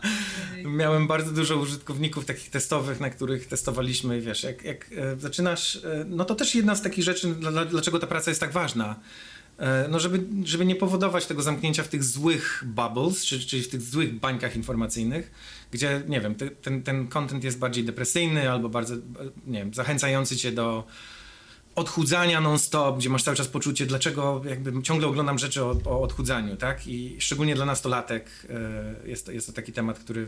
Więc pracowaliśmy na tym, żeby przerywać te bubbles, żeby, żeby ten algorytm nie zapętlał się w, w takich na, w rejonach, w których nie chcemy, żeby się zapętlał, bo takie od czasu do czasu zobaczenie czegoś, nie wiem, o, o, fitness jest ok, ale jak wszystko, co widzisz jest o fitness, to powoduje, że masz wrażenie, że coś jest z tobą nie tak, że ty masz więcej ćwiczyć i, i, i, i tyle, nie? Mhm. No a właśnie jak zobaczyłeś, jak to wygląda od środka, e, wiesz, wiesz jak ta aplikacja e, działa, e, w kontekście tego, że teraz dużo się mówi o zagrożeniach TikToka, dużo się mówi politycznie, właśnie politycy europejscy nie mogą używać TikToka na swoich służbowych telefonach. Mm, jak ty na to patrzysz tak osobiście, wiedząc jak tam jest od środka i czy na przykład twoje dzieci używają TikToka? Czy pozwalasz im na to? Jak najbardziej używają. Trzynastolatka, e, no bo ma odpowiedni wiek, aczkolwiek e, dziesięcio, dziesięciolatka korzysta z YouTube'a w tej wersji Kids głównie e, i z jakimiś ograniczeniami. Nie, powiem wam, że ja na to patrzę z punktu widzenia osobistego i znowu jestem trochę bias, bo byłem w tych firmach, ale z drugiej strony mam, mam dzięki temu też wyrobioną jakąś opinię. Tam nie ma, nie ma jakiejś grupy osób, Illuminati, czy reptylian, czy, czy jakichś Chińczyków w, w, w, dziwnych czapkach, którzy siedzą i teraz będą knują jak tutaj TikTokiem i jego algorytmem zawład zawładnąć światem. Po prostu jest to ciekawy produkt i, i nie wiem, no może odwołuje w pewien odwołuje się i działa na mechanizm dopaminy i plus jest tak dobrze skonstruowany, że rzeczywiście bardzo szybko się uczy i bardzo o wiele szybciej daje nam te, te hity dopaminowe niż, niż inne produkty, więc, więc to jest tak jakby ten competitive advantage TikToka. Ale e, jakby wszystko dla ludzi, tak? E, nie wiem, to samo było mówione o telewizji wcześniej, to samo pewnie było mówione o, o, o prasie, e, o, o, o, druku, zanim, zanim książki były pisane, tylko i wyłącznie przed tym, jak książki były pisane, więc ja na to nie patrzę jako, jako jakieś wielkie zagrożenie, ale na pewno trzeba mieć jakieś limity, w szczególności dla dzieci, które jeszcze nie potrafią tego kontrolować same. Sami wiemy, jak, jak my możemy bardzo łatwo wpaść w taki doom scrolling, czy, e, czy, czy nawet po prostu scrolling, taki dopamine hit scrolling. Więc z odpowiednimi limitami wszystko jest dla ludzi. To pocieszające. Także wszyscy, którzy będą nas oglądać, naprawdę zapewniam was, nie ma nie ma żadnego, e, żadnej grupy reptylian siedzącej i kombinującej, jak przejąć świat za pomocą TikToka. Dobrze, Kuba, to przejdźmy może teraz do, do kolejnego wątku, który nas mega ciekawi, e, czyli taki szeroki temat rekrutacja. Mm, I najpierw chciałbyśmy Cię poprosić o to, żebyś dał radę, dał radę, mm, rady osobom, które e, chciałby przejść taką ścieżkę tak jak Ty, czyli pracować przy produkcie, przy e, czymś świeżym, nowym i w dużych organizacjach, gdzie można się naprawdę, że tak powiem, w cudzysłowie wyszaleć. Mhm. Pierwsza rada to się nie bać i, i na, patrzeć, nie bać się w kilku kontekstach. Pierwszy kontekst to jest nie bać się aplikować na rolę. E, drugi, czyli po prostu, jeżeli jest jakaś rola w jakiejś firmie, która mnie interesuje, e, to nawet jak nie spełniam 100% e, wymogów na, na tą rolę, to aplikuję i próbuję. I staram się też rozmawiać z ludźmi, którzy tam pracują, staram się budować network y, i, i zostać zarekomendowany. Jedną z lepszych rzeczy, którą, żeby dostać po prostu nową pracę w takiej firmie, to jest jeżeli ja z kimś współpracowałem i, i mam już ten network i ta osoba pracuje teraz w tej firmie, jak ona mnie zarekomenduje i opowie o tych rzeczach, jak robiliśmy razem i jak fajnie ja pracuję, to tak jakby od razu się człowiek znajduje na szczycie listy y, osób, które będą na tą, na tą pozycję rozpatrywane. Więc to jest jedna z takich rzeczy, którą warto budować ten network, war, war, warto robić dobrą pracę w innych firmach, nie, nie w tych dużych big techach, żeby się potem tam znaleźć. Niektórzy nie chcą pracować w big techach i to jest też zupełnie ok. Natomiast taka praca w big techu daje, daje dużo też plusów, no bo są to rozpoznawalne marki na, na, na twoim CV. E, nauczysz się pracować nad produktami, z których korzysta miliardy osób i, i, i zobaczysz, jak wyglądają takie procesy na, na, na takiej skali. Um, więc ja ma, nie mam akurat absolutnie, o czym świadczy moje, moje CV, nic przeciwko Big Techom.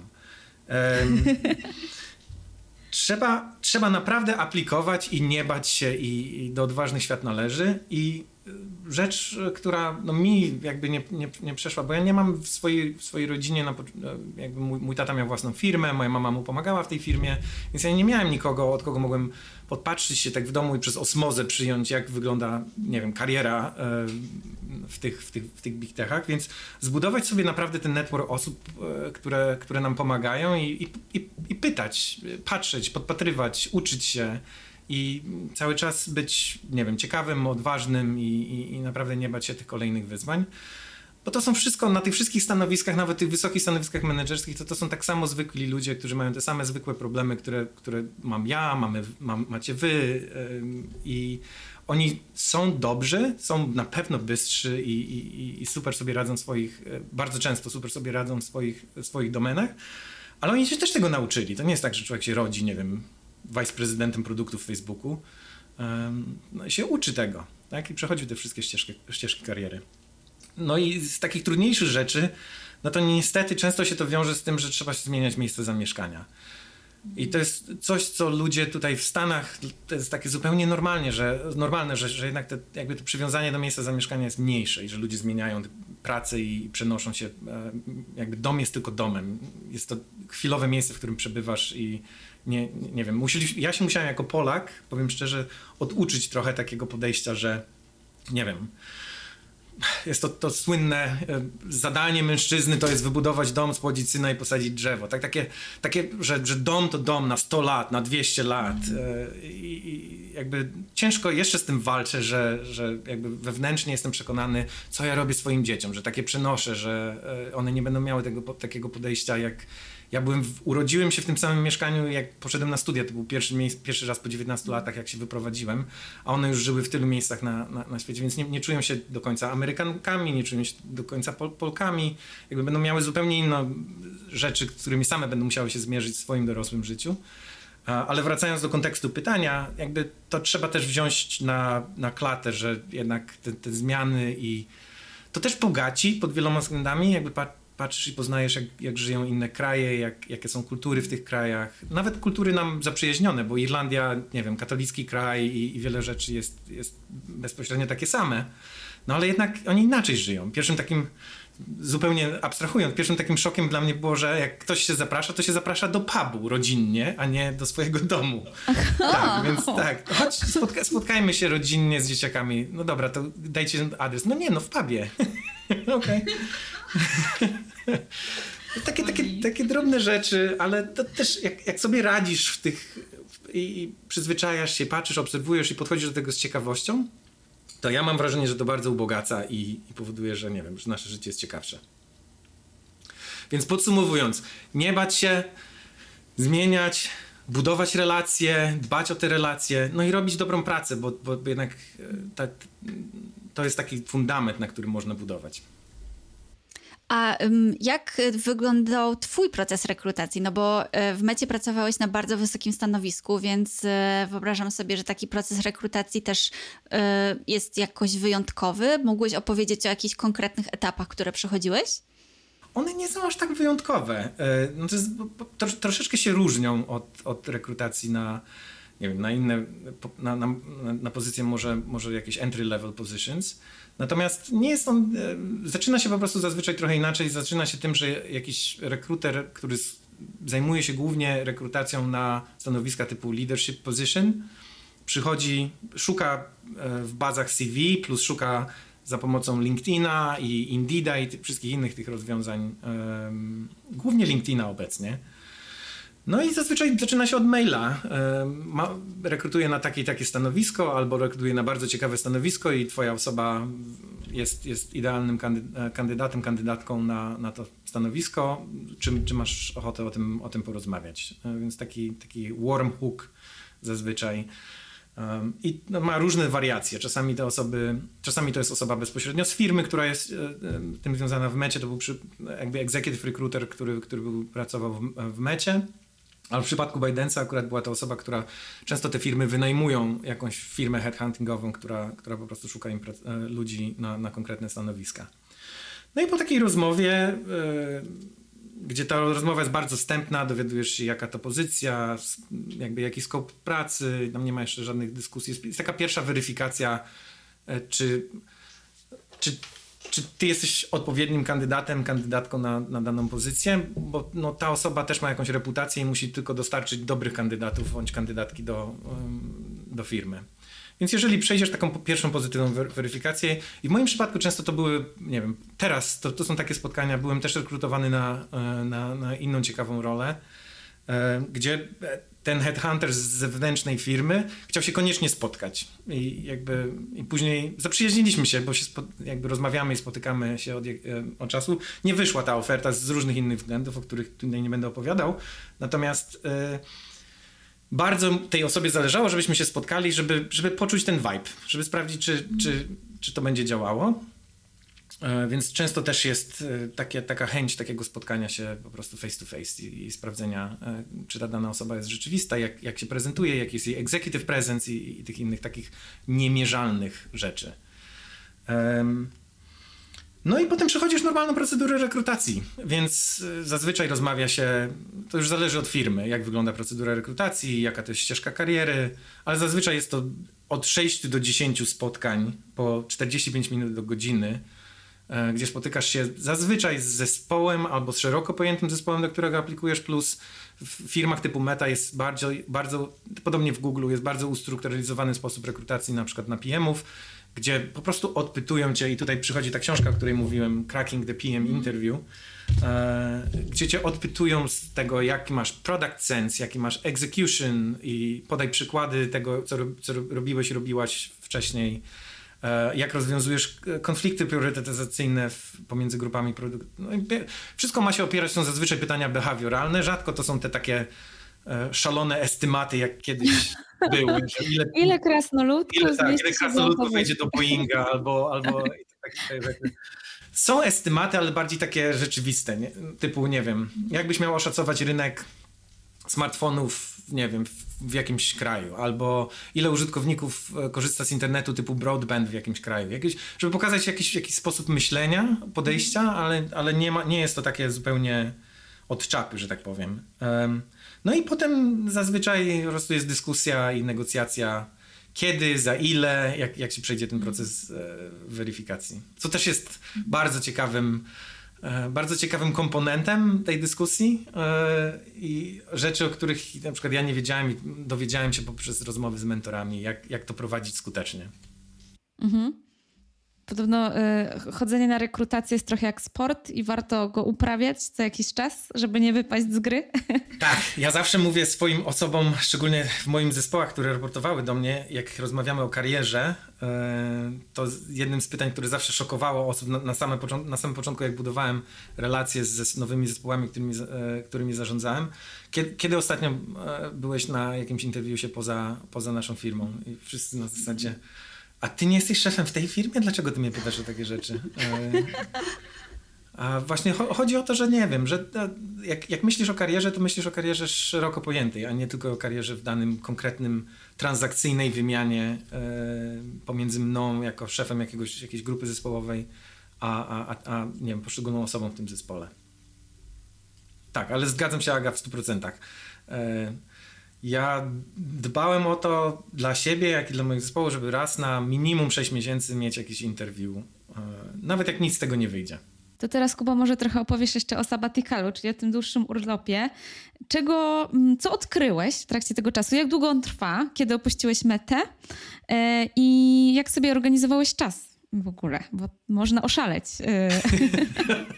Na początku, wiesz, po, po takim zasuwie to chciałem po prostu odpocząć, więc akurat pojechaliśmy z, z grupą znajomych tutaj ze Stanów, e, naszymi najbliższymi przyjaciółmi, chciałem im pokazać Polskę, więc spędziliśmy dwa tygodnie zwiedzając Polskę i jeżdżąc po Polsce i pokazując im te kluczowe rzeczy, które nie wiem, dla mnie były takim charakterystycznym rzeczą, plus to, co oni chcieli, bo też chcieli zobaczyć niektóre rzeczy. No a potem ja zostałem, moja żona wróciła do pracy, a ja zostałem z dziewczynkami e, w Polsce na, na prawie dwa miesiące, więc spędziłem trochę czasu z moim tatą, jakby z rodziną, szczególnie z rodziną w różnych miejscach i takimi prostymi, codziennymi przyjemnościami, jakby chodzeniem po lesie i zbieraniem grzybów, e, Wzięliśmy e, spływ kajakowy, zrobiliśmy sobie, wypożyczyliśmy łódkę na Mazurach i popływaliśmy sobie łódką. No takie naprawdę fajne, proste rzeczy, które, które, które, którymi Polska w lato to jest przepiękne. Mm. Przy, przepięknie się, ten, ten, te zapachy, ten, te słońce, to jest nie do podrobienia. Mm. A potem wróciłem i, no i zastanawiałem się, co robić, e, to robić dalej. Miałem kilka Miałem kilka rzeczy w międzyczasie przyszło i więc miałem, odbyłem kilka rozmów, które się nie udały z różnych przyczyn. Albo, albo ta, ta rola nie była do końca dla mnie, albo, albo się posypało między ta, ta, to, co wspomniałem ostatnio, e, miałem bardzo ciekawą rekrutację na bardzo fajną rolę, ale ta rola została w momencie, kiedy przeszedłem już tą rekrutację, odbyłem 12 interwiusów, e, rola została jakby cofnięta i CEO podjął decyzję, że, że nie będzie budował tego zespołu. Co było zarówno stratą czasu dla tego executive rekrutera, z którym ja współpracowałem, jak i dla mnie. No ale takie rzeczy też się e, dzieją. Szczególnie teraz w Techu, gdzie, gdzie tych zmian i obcięć jest, jest jednak sporo. E, dużo projektów dla, dla siebie. Jakby ja lubię majsterkować, więc spędzam sporo czasu w domu, robiąc różne e, usprawnienia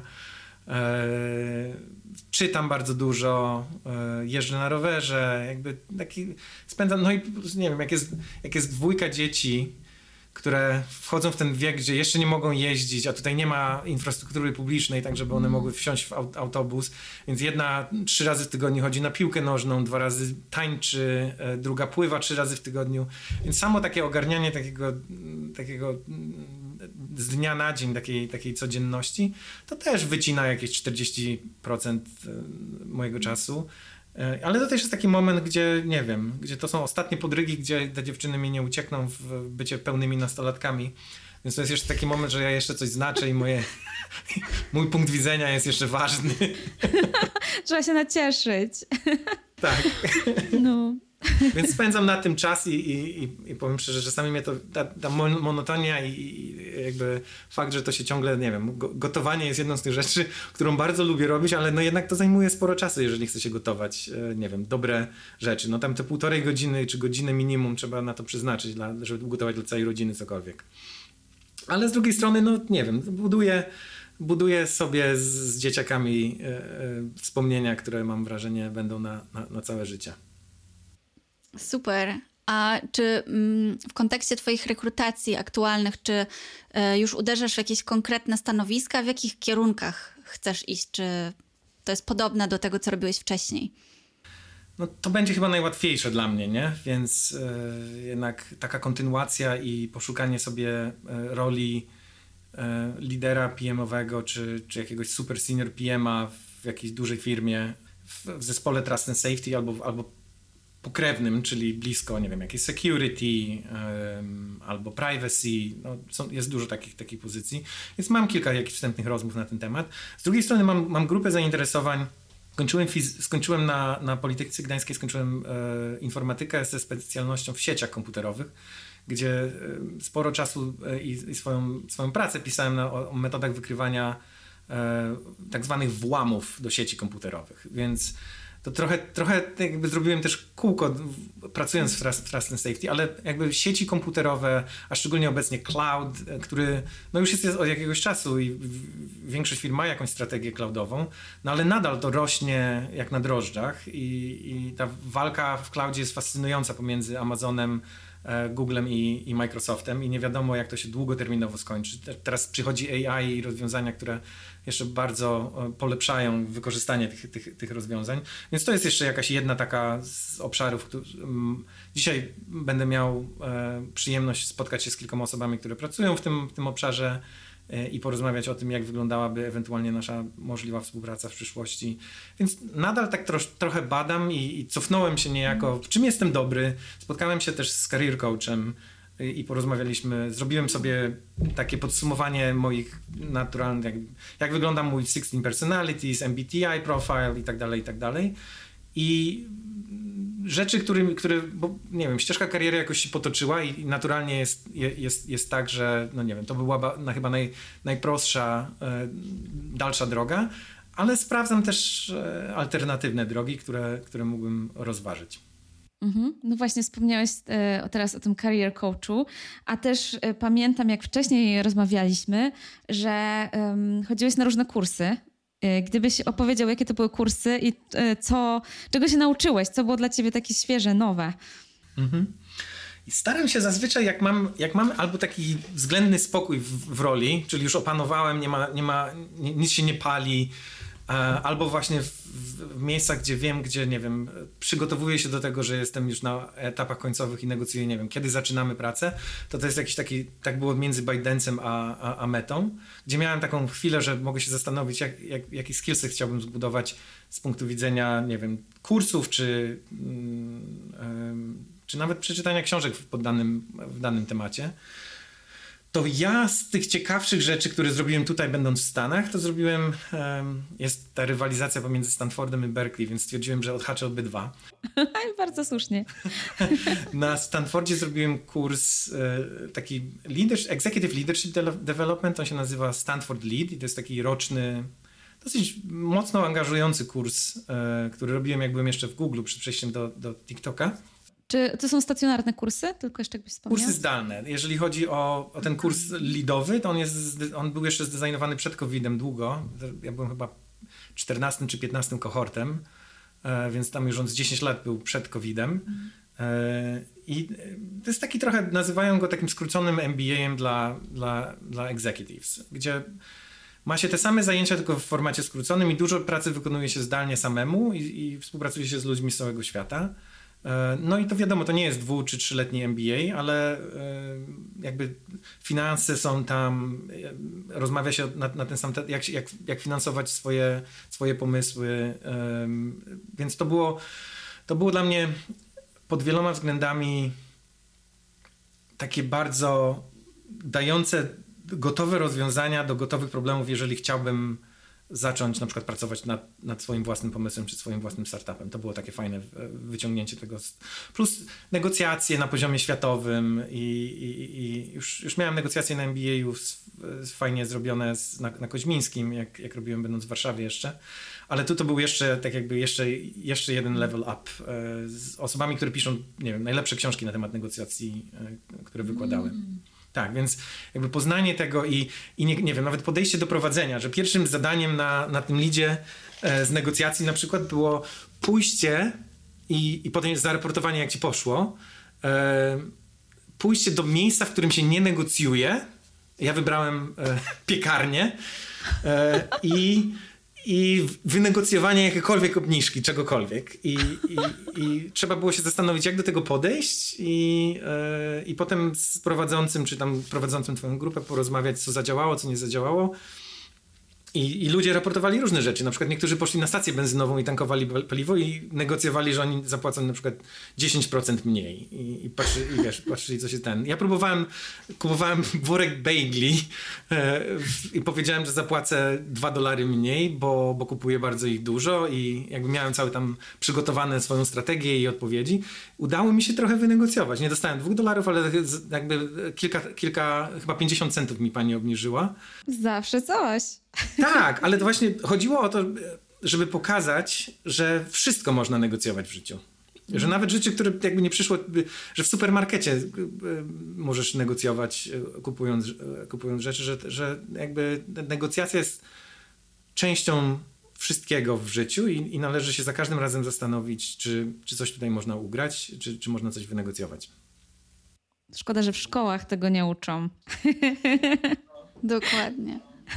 Więc to, było, to był Stanford. No i z, z drugim z takim ciekawym e, kursem był kurs dla product managerów, Executive Product Management Course na Berkeley i on był krótszy, on był trzy miesiące w sumie, z czego pierwsza część e, była zdalnie, przygotowanie pierwsze dwa miesiące, czy tam dwa i pół miesiąca dużo zdalnych mm, i kulminacja była taka, że był tydzień po 8-10 godzin dziennie, e, gdzie jakby rozwiązywaliśmy case'y, mieliśmy, byliśmy przygotowani do tego, o czym będziemy dyskutować e, już face to face. I tam osoby się zjeżdżały z całego świata na ten tydzień e, do Berkeley. I to był taki szeroko pojęty przegląd wszystkiego, najlepszych rzeczy, które dobry PM powinien, product manager powinien wiedzieć. I to się zaczynało od czym właściwie jest PM, jakie jest obecne myślenie o, o, o PM-ie w, w, w, dużych firmach, w średnich firmach również. I jak, jakby analiza danych, storytelling, o którym mówiliśmy na, na Data Conference, też tam był mocno poruszony. E, jak, jak wygląda user research obecnie, co należy robić. Tak jakby po, poszufladkowane po takich kluczowych zagadnieniach bycia, bycia dobrym PM-em gdzie przygotowaliśmy się do każdej z tych sesji przez, przez te dwa miesiące i potem dyskutowaliśmy o tym, o naszych wynikach, o tym, o, o tym co, co, co robiliśmy e, w tym okresie przygotowywania. Super. A czy są jakieś e, ćwiczenia, jakieś elementy, których nauczyłeś się na kursie i wdrożyłeś potem e, w Twoich zespołach, w Twojej pracy? Tak. Dużo. Jeżeli chodzi o ten PM, no to ten cały storytelling i jakby przemyślenia o tym, jak jak będzie wyglądała historia, jak będziemy opowiadać o użytkowniku i o tym, jak wygląda jego user journey, e, tak jakby, żeby było to emocjonujące, wsparte danymi, ale z drugiej strony e, jako ludzie jesteśmy uwarunkowani do tego, żeby słuchać historii. Jakby tak przekazywaliśmy sobie wiedzę przez mm, nawet nie wiem ile tysięcy lat, e, ale zanim, zanim pisaliśmy, to, to opowiadaliśmy po prostu sobie historię, więc odwołania do emocji, e, zbudowanie pewnie, pewnej struktury narracji e, jest według mnie kluczowe, szczególnie dla roli PM-a, ponieważ PM, szczególnie w tych dużych firmach, często walczy o zasoby z, i o priorytetyzację tego, co on chce, bądź ona chce zbudować e, z innymi ludźmi, a zasoby są bardzo skończone i zazwyczaj nie masz osób, e, które bezpośrednio do ciebie raportują jako, jako product manager, tylko współpracujesz z szeroko pojętym takim cross-functional zespołem, gdzie tam są ludzie, którzy raportują do swoich własnych funkcji, a musisz ich przekonać do, do współpracy z tobą i zrobienia tego, na, na czym tobie zależy. Więc ten storytelling na pewno, podejście do, do, do, data analysis również, e, no nie wiem, albo takie kluczowe, hardkorowe e, rzeczy z tego Stanford Lead, gdzie właśnie te, nego, te negocjacje, to do, do, tej pory pamiętam, e, gdzie naprawdę potem byliśmy parowani z bardzo innymi osobami, gdzie był, było zadanie, każdy miał jakieś wyrywkowe informacje o tym zadaniu z, z punktu widzenia jednej bądź drugiej strony, no i trzeba było nego, negocjować gdzie no, nie było to łatwe. E, one były tak specjalnie zrobione, żeby, żeby wykryć, gdzie ta jest pozycja tej drugiej osoby, jak, jak do tego podejść, jak ją ugryźć. E, więc takie negocjacje to taki bardzo hands-on skill, który mi się do tej pory przydaje. Super. Kuba, to słuchaj, e, ostatnie trzy pytania. Co prawda nasza lista jest jeszcze bardzo długa, ale lepiej to sobie podzielić na kilka spotkań, oczywiście jak będziesz chciał jeszcze nas odwiedzić. To teraz pytanie takie bardziej już prywatne, bo wspominałeś w kuluarach, że myślisz o tym, żeby z rodziną wrócić e, do Europy. Skąd taka decyzja i jak, jakie masz plany w związku z tym? Nie, nie wiem, jest to powiedzenie, że jak, jak, człowiek planuje, to Pan Bóg się śmieje, e, więc nie, nie wiem, jak będzie to wyglądało. Jakby wydaje nam się rodzinnie, ja mam wrażenie, że dzieciaki to już straciłem pod względem tego, co one będą chciały robić, aczkolwiek jeszcze mamy z nimi rozmowy. E, no, studiowanie w Stanach Zjednoczonych jest jednak bardzo drogie pewien sposób będziemy mogli pomóc naszym dzieciakom, no bo mamy, teraz akurat moja żona ma pracę, ale e, mam wrażenie, że będziemy mieli obydwoje pracę, więc coś tam odkładamy na, dla nich na te studia. E, no ale nadal to mówimy o tym, że nie wiem, to są setki tysięcy dolarów, e, a, a, a możliwości studiowania w Europie są nieporównywa- są, są również duże i są również bardzo fajne uczelnie. Więc jeszcze ta decyzja jest, jest, jest otwarta. Natomiast nasze dziewczyny no już pod, pod, pod wieloma względami po prawie siedmiu latach tutaj w Stanach się czują bardziej tutaj związane z, z wszystkim, co tutaj się dzieje, z, ze szkołami, ze swoimi przy, przyjaciółkami i przy, przyjaciółmi tutaj. Więc my myślimy, jak one pójdą na swoje, no to my jednak mamy to wewnętrzne poczucie, że jednak bardziej identyfikujemy się zarówno ja, jak i moja żona z kulturą europejską. No i brak nam też, e, nie wiem, ja mam siostrę, e, która ma trójkę małych chłopaków, za którymi tęsknię. Moja żona ma, ma siostrę i brata też z dzieciakami w, w Polsce. Jeszcze mamy rodziców. Moja żona ma jeszcze nawet swoich dziadków, którzy już mają 90 parę lat. Więc tęsknimy za naszą rodziną, więc mam wrażenie, że odpukać jedna z rzeczy, która, która nas przyciągnęła tutaj do Stanów Zjednoczonych, to też możliwości zarobkowe. I jeżeli człowiek do tego dobrze podchodzi i odkłada bardzo dużo, no to zakładamy, że uda nam się przejść na tą emeryturę wcześniej niż, niż w 65 czy 67 roku życia, ze środków, które po prostu odkładamy i gromadzimy, inwestujemy. E, no i wtedy pewnie będziemy dzielili nasze życie pomiędzy Europę, gdzie, która która w latem jest wspaniała, a szczególnie, szczególnie polska, a, a, być może nasze dzieciaki, w zależności jak one sobie ułożą życie, to będą, będziemy, będziemy gdzieś spędzać połowę czasu przy nich bądź z nimi, więc... Ale ja jednak bardziej się czuję Europejczykiem, na pewno się czuję Polakiem, e, więc jest, e, nie wiem, jakiś domek e, gdzieś w Podlasie slash Mazury, w tych rejonach, skąd, skąd wywodzi się moja... Ja jestem z Grudziądza, ale nie wiem, kocham Podlasie i kocham, kocham tamte rejony. No, miejmy nadzieję, że sytuacja geopolityczna się ustabilizuje i będzie, będzie trochę w Europie bezpieczniej. Więc to też jest jedna z rzeczy, którą tak jakby wrzucamy do tego, do tego równania. No zobaczymy, ale ja bym bardzo chciał. Super, to trzymamy kciuki. A jeszcze tak z perspektywy Twojej kariery, czy jest coś, co zmieniłbyś w tym swoim rozwoju? Może poświęciłbyś więcej czasu albo mniej czasu na coś? To jest dobre pytanie. Ja mam, tak, wyznaję taką zasadę, że ja po prostu nie, nie, nie, myślę dużo o przyszłości, bo nie jestem w stanie jej zmienić. I jakby nauczyłem się też, że to nie, po, nie powoduje, że ja jestem szczęśliwy w życiu, jeżeli bym ciągle myślał tylko i wyłącznie o rzeczach, które się stały. Więc ja nie żałuję niczego. E, czy mogłem zrobić pewnie bardziej optymalnie niektóre rzeczy? No, na 100%, tak? Kto nie mógł? ale nadal wydaje mi się, że wykorzystałem szanse, które, które pojawiły się przede mną, otworzyłem drzwi, które wcześniej jakby w życiu nie myślałem, że będę mógł otwierać. Więc jestem ogólnie bardzo zadowolony z tego. Co bym zrobił, może krócej bym spędził. Wszyscy, wszyscy mówili, że wiesz, spędzanie 10 lat w jednej firmie nie jest idealne z punktu widzenia jakby szybkiego rozwoju kariery. A spędziłem 10 lat w, w Procter Gamble pracując w Warszawie. Czy zrobiłbym mniej? Może. Z drugiej strony te 10 lat to były jedne z fajniejszych, fajniejszych dekady w moim, w moim życiu, gdzie poznałem swoją żonę, gdzie nauczyłem się jak działają duże firmy, gdzie się naprawdę rozwinąłem e, od, i, i, w ogóle poznałem sposób zarządzania ludźmi w taki, taki sposób, który do tej pory ze mną rezonuje i ze mną jest.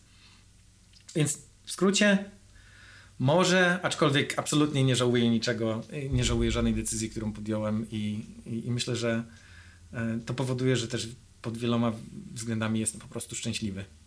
Mm. To e, była, była mowa o przyszłości, to teraz o przyszłości. Ostatnie pytanie, Kuba. Na rozwoju jakich umiejętności chciałbyś się skupić w najbliższym czasie? Dobre pytanie. E, hmm. Nie mam jakiegoś planu, krótkoterminowego, ani długoterminowy, znaczy długoterminowy mam, e, ale krótkoterminowo nie mam czegoś takiego jak ten kurs Berkeley czy, czy ten kurs na Stanfordzie.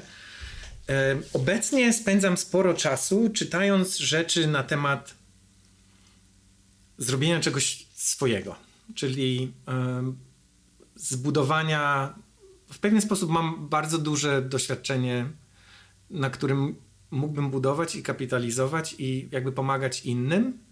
E, więc spędzam teraz sporo czasu, jakby krystalizując, jak to będzie wyglądać dla mnie, niezależnie od tego, czy będę pracował w przyszłości w niedalekiej bądź, bądź średnio dalekiej przyszłości dla jakiejś dużej firmy bądź, bądź, bądź firmy. Chciałbym na pewno zrobić coś swojego i teraz y, sporo nad, tym czasu spędzam, więc jakby inwestuję czas w czytanie książek, artykułów, spotykanie się z ludźmi, y, którzy sami coś zbudowali tak żeby zrobić coś swojego również.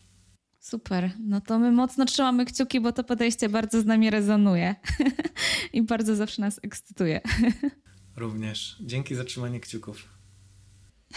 Dzięki, no i dzięki wielkie za rozmowę. Super było się spotkać e, ponownie, e, bo Kuba był prelegentem na naszej konferencji kilka lat temu.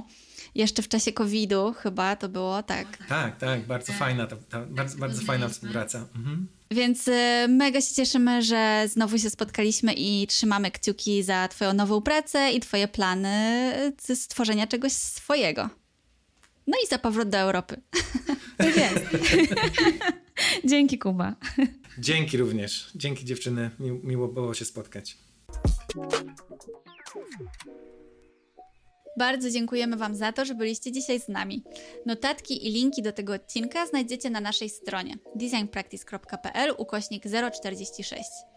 A sponsorem tego odcinka jest The Protocol, czyli serwis z konkretnymi ofertami pracy dla branży IT. Koniecznie sprawdźcie na theprotocol.it. A jeśli podoba Wam się nasz podcast, koniecznie zasubskrybujcie go w swojej ulubionej platformie podcastowej lub na YouTube. Śmiało też czekamy na Wasze komentarze i wrażenia odnośnie naszego podcastu. Za wszystkie będziemy bardzo wdzięczne. Na nowe odcinki możecie liczyć w każdy pierwszy i piętnasty dzień miesiąca. Pamiętajcie też o zapisaniu się do naszego newslettera, żeby nie przegapić żadnego nowego odcinka, a co dwa tygodnie otrzymać newsletter z mega porcją przydatnych informacji dla projektantów. Wystarczy, że wejdziecie na designpractice.pl i na dole y, możecie zapisać się do newslettera. Do usłyszenia za dwa tygodnie.